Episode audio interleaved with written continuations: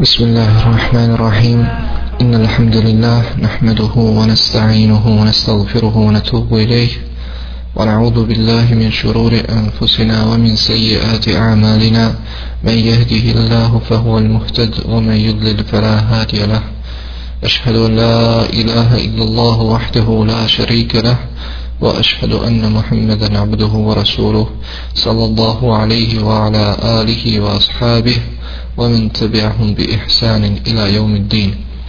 يقول الله تبارك وتعالى في كتابه الكريم يا أيها الذين آمنوا اتقوا الله حق تقاته ولا تموتن إلا وأنتم مسلمون. ويقول الله تعالى يا أيها الذين آمنوا اتقوا الله وكونوا مع الصادقين. فإن خير الكلام كلام الله وخير الهدى هدى محمد صلى الله عليه وسلم وشر الأمور محدثاتها وكل محدثة بدعة وكل بدعة دلالة وكل ضلالة في النار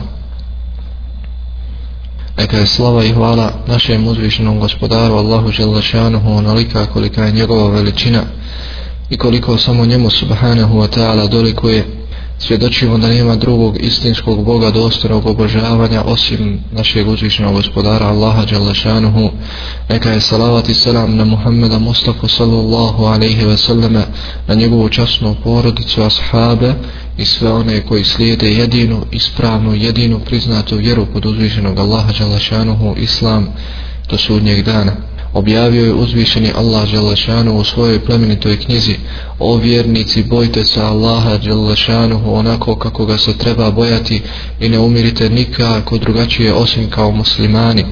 I objavio je Allah Đelešanu o vjernici bojte se Allaha i budite sa onima koji su iskreni. U istinu je najbolji govor Allahu Đelešanu govor a najbolja uputa uputa Muhammeda Mustafa sallallahu alaihi wa sallame najgore stvari su novine u vjeri jer svaka novina u vjeri se smatra novotarijom svaka novotarija je zabluda a svaka zabluda vodi vodi u vatru da nas Allah želešanu sačuvanje. Draga moja braća plemente i cijene sestre Allah Želešanuhu je iz milosti prema ljudima podario im mnoge blagodati kao što kaže Allah Želešanu u svojoj plemenitoj knjizi wa in ta'udzu ni'mat Allahi la tuhsuha. Ako budete brojali Allahu i Želešanu blagodati nikada ih nećete nabrojati. Svakako najveća blagodat koju je Allah Želešanu podario ovom narodu ovim ljudima jeste njegova uputa jeste vjera Islam i svakako jeste sunnet Allahov poslanika sallallahu alaihi wa sallam što ih je uputio na sunnet Allahov poslanika njegovog poslanika Muhammeda Mustafa sallallahu alaihi wa sallam da shvate jeli svoju vjeru Islam onako kako je praktikovao poslanik sallallahu alaihi wa sallam od tih mnogobrojnih blagodati koje Allah Želešanu podario narodu podario ljudima jeste i sposobnost govora. Jeste mogućnost da čovjek izrazi ono što nosi u sebi.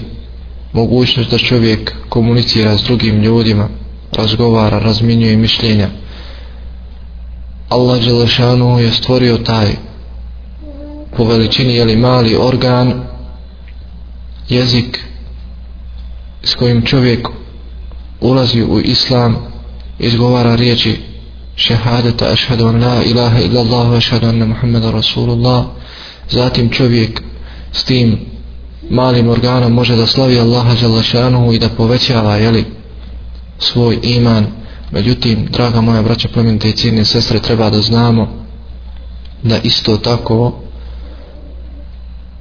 čovjek može da izgovori riječi kufra na billahi ta'ala pa da izađe ili svoje vjere da izađe iz vjere islama ili jel može da koristi govor, koristi svoj jezik onako kako Allah Đelešanu nije zadovoljan pa da ga ili Allah Đelešanu iskuša nekim stvarima ili jel da ga iskuša slabljenjem, slabljenjem mana i mrtvilom srca.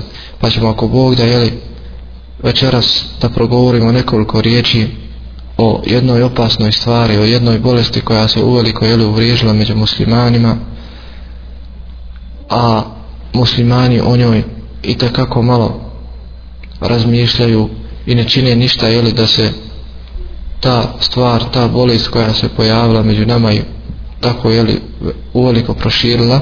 Muslimani ne rade na tome ništa jeli da je suzbio pa ćemo ako Bog da večeras da progovorimo nekoliko riječi i da uputimo inša Allahu Teala jedni drugima nekoliko savjeta u suzbijanju ogovaranja, u suzbijanju gibeta i prenošenja tuđih riječi, odnosno jeli, odnosno nemimeta. Inša Allahu Teala ovom prilikom jeli ograničit ćemo se samo na riječi Allaha Đelešanuhu na govor Allaha Đelešanuhu govor poslanika sallallahu alaihi ve selleme ashaba i ispravne uleme kaže uzvišeni Allah Đelešanuhu kao što stoji jeli, u suri Huđurat u 12. ajetu أعوذ بالله من الشيطان الرجيم يا أيها الذين آمنوا اجتنبوا كثيرا من الظن إن بعض الظن إثم ولا تجسسوا ولا يغتب بعضكم بعضا أيحب أحدكم أن يأكل لحم أخيه ميتا فكرهتموه واتقوا الله إن الله تواب الرحيم kao što stoji u prijevodu značenja o vjernici klonite se mnogih sumničenja neka sumnjičenja su zaista grijeh i ne uhodite jedni druge i ne ogovarajte jedni druge. Zar bi nekom od vas bilo drago da jede meso umrlog brata svoga? A vama je to odvratno. A vama je to odvratno. Zato se bojite Allaha Allah zaista prima pokajanje i samilostane. Kaže Ibn Kathir rahmetullahi ta'ala alaih tumačići ovaj ajet kaže u ovom se ajetu ukazuje na zabranu ogovaranja kojeg je pojasnio poslanik sallallahu alaihi wasallam u hadithu koga bilježi Ebu Dawud od Ebu Hureyre radijallahu ta'ala kada kaže rečeno je Allahom poslaniku sallallahu alaihi wa sallam Allahu poslaniće šta je to gibet? Šta je to ogovaranje? Pa je rekao Allahu poslanik da spomeneš brata po onome što on ne voli. Da spomeneš brata po onome što on ne voli pa je upitan Allahu poslanik šta misliš Allahu poslaniće ako je to što sam rekao o mom bratu istina? Pa kaže Allahu poslanik sallallahu alaihi wasallam ako je pri njemu to što si rekao onda si ga ugovorio. Ako je pri njemu istina ako je pri njemu ono što si spomenuo o njemu ono po čemu si ga spomenuo onda si ga ogovorio a ako bude laž a ako bude laž ako si slagao na njega onda si ga onda si ga potvorio. Hadis bilježi muslim Tirmizi, ibn Đarir i drugi. Veliki je broj hadisa u kojima se zabranjuje ogovaranje. Imam al-Bukhari rahmetullahi ta'ala alaihu svom sahihu u poglavlju o ogovaranju o gibetu navodi riječi uzvišenog Allaha وَلَا يَغْتَبْ بَعْدُكُمْ بَعْضًا i ne ogovarajte jedni drugi zatim spominje hadith od Ibn Abbasa radijallahu ta'ala anhuma koji kaže prošao je Allahov poslanik sallallahu alaihi wasallam pokraj dva kabura dva mezara pa je rekao u istinu se ova dvojica muče u istinu se ova dvojica muče kažnjavaju a ne kažnjavaju se zbog velikog grijeha to jest ne kažnjavaju se zbog nečega što nisu mogli otkloniti od sebe. Mogli su to što su činili na Dunjalku da se klonu toga, da se riješi od toga, pa kaže Allahu poslanik sallallahu alaihi sallam, jedan od njih nije se čuvao mokraće. Jedan od njih nije se čuvao od mokraće, a drugi je išao i prenosio tuđe riječi. Drugi je išao i prenosio tuđe riječi i činio smutnju fesad između ljudi s tim riječima. Zatim je uzeo Allahu poslanik sallallahu alaihi wa sallam svježu granu, prelomio je na dva dijela i zabao po jedan dio na svaki kabur. Pa su ga upitali zbog čega to uradio Allahu poslaniće. Zbog čega si to uradio Allahu poslaniće, rekao je možda će im se olakšati, možda će im se olakšati sve dok se te grane, sve dok se te grane ne osuše. Kaže Hafid ibn Hajar, Al-Askelani, rahmetullahi ta'ala alaih, bilježi Ahmed i drugi od Ebu Bekra, radijallahu ta'ala da je rekao, prošao je Allahu poslanik sallallahu alaihi wasallam pokraj dva kabura, pa je rekao, u istinu se ova dvojica, u istinu se stanovnici ova dva kabura kažnjavaju, a ne kažnjavaju se zbog nečega velikog. ne kažnjavaju se zbog nekog velikog grijeha kojeg znači nisu mogli da otklonu od sebe na dunjalku pa kaže stanovnici ta dva kabura muče se zbog nečuvanja od ogovaranja i mokraće.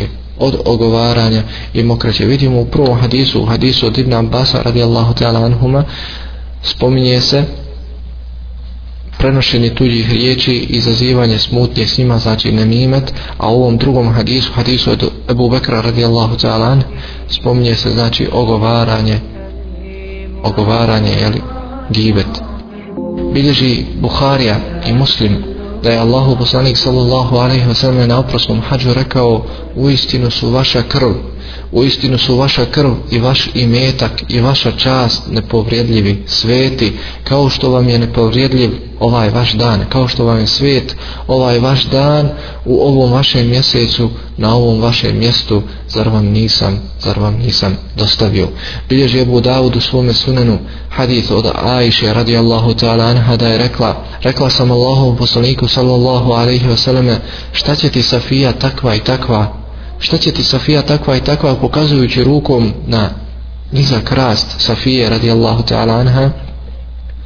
Pa je poslanik sallallahu alaihi wasallam rekao izustila si tako krupnu riječ izustila si tako krupnu riječ koja bi i more kada bi se s njim pomiješala zagočila izustila si tako krupnu riječ koja bi more kada bi se s njim pomiješala zagočila vidimo da Aisha radijallahu ta'ala anha samo je rekla jednu ili dvije riječi ukazujući jel, na nizak rast Safije radijallahu ta'ala anha i Allahu poslanik sallallahu alejhi ve sellem obavještava je o težini njezinih riječi i grijehu a šta je, šta je onda je s nama, s našim govorom, s našim riječima kada činimo jel, mnogo, mnogo i govorimo mnogo, mnogo teže stvari od ovih. U hadisu koji prenosi Muad radijallahu ta'ala kaže poslanik sallallahu alejhi ve sellem Bog ti dao dobro je o Muaz Bog ti dao dobro o Muad za nešto drugo strovaljuje ljude u vatru osim njihove ružne riječi osim njihove zle izreke. bilježi Ebu Davu da je poslanik sallallahu alaihi wa sallam rekao najkrupnija najkrupnija i najgora vrsta kamate kod uzvišenog Allaha Đalašanuhu je ohalaljivanje smatranje dopuštenim časti čovjeka muslimana.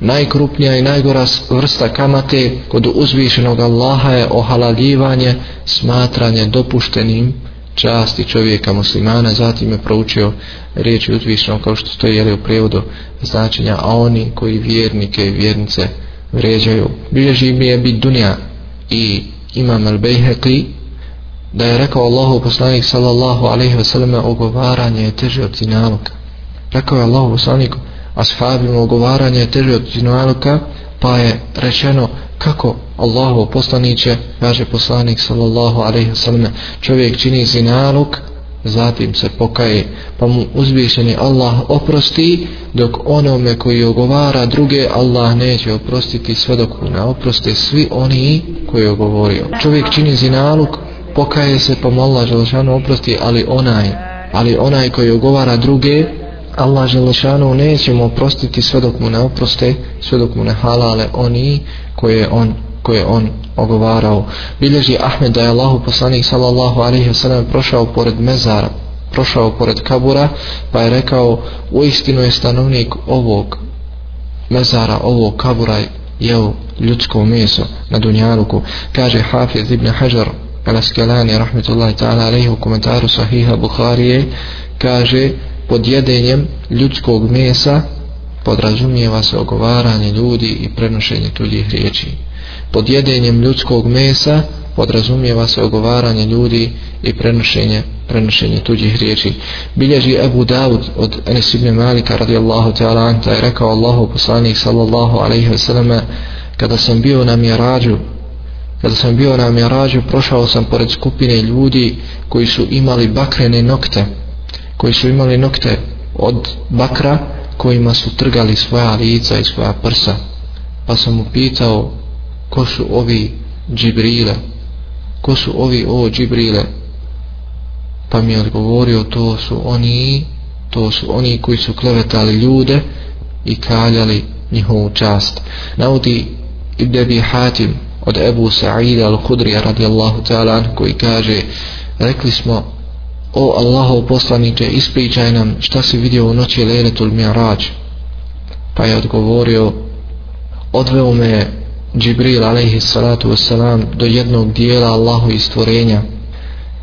to je narod čiji predstavnici prilaze sa strane jedni drugima i sjeku s njih komadiće tijela poput poput obuće pa kada se nekom od njih stavi u usta kaže mu se jedi kao što si jeo jedi kao što si jeo na dunjaluku a on će u tom dijelu nalaziti samo smrt. A on će u tom dijelu nalaziti samo smrt. O Muhammede kad bi u tome našao smrt ona moja mrska, pa sam pitao o Džibrile ko su ovi? Rekao je to su klevetnici to su klevetnici podrugljivci bilježi Ebu Bekr al-Ismaili od Ibn Umar radijallahu ta'ala anhuma da je rekao Allahu poslanik sallallahu alaihi ve selleme o vi koji vjerujete o vi koji vjerujete samo jezikom i u čija srca iman još nije ušao ne pratite i ne istražujte mahane muslimana jer onome koji istražuje tuđe mahane Allah će istraživati njegove mahane. Allah će istraživati njegove mahane pa čiju mahanu Allah istraži razotkriće ga pa makar i među njegovim najbližim. Razotkriće ga i pokazat će njegovu mahanu makar, makar i među njegovim najbližim. Ušao je Omer ibn Khattab radijallahu ta'ala kod Ebu Bekra Siddika a on Ebu Bekra radijallahu ta'ala držao se i vukao za jezik pa mu je rekao Omer šta to radiš? Allah ti oprostio grijehe kaže Abu Bekr radijallahu ta'ala ovo je ono ovo je ono što hoće da me uništi. Rekao je Omer radijallahu ta'ala svima nama da to prenosimo ako Bog da do sudnjega dana. Rekao je Omer radijallahu ta'ala na vama je da se sjećate i spominjete uzvišenog Allaha jer je to lijek za srca na vama je da se sjećate i spominjete uzvišenog Allaha jer je to lijek za srca a da se klonite spominjanja ljudi jer je to bolest. A da se klonete spominjanje ljudi jer je to bolest.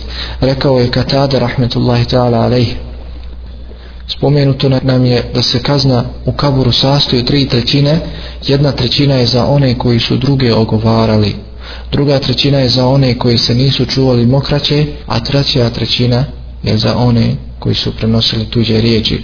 Prenosi imam al-Kurtubi rahmetullahi ta'ala alaih mišljenje većine islamskih učenjaka da se ogovaranje, da se gibet, spominjanje drugih ljudi po onome što oni ne vole, ubraja u velike grijehe poput zinaluka, pijenja, alkohola, krađe, poput prekidanja rodbinskih veza, neposlušnosti prema roditeljima i i tome slično.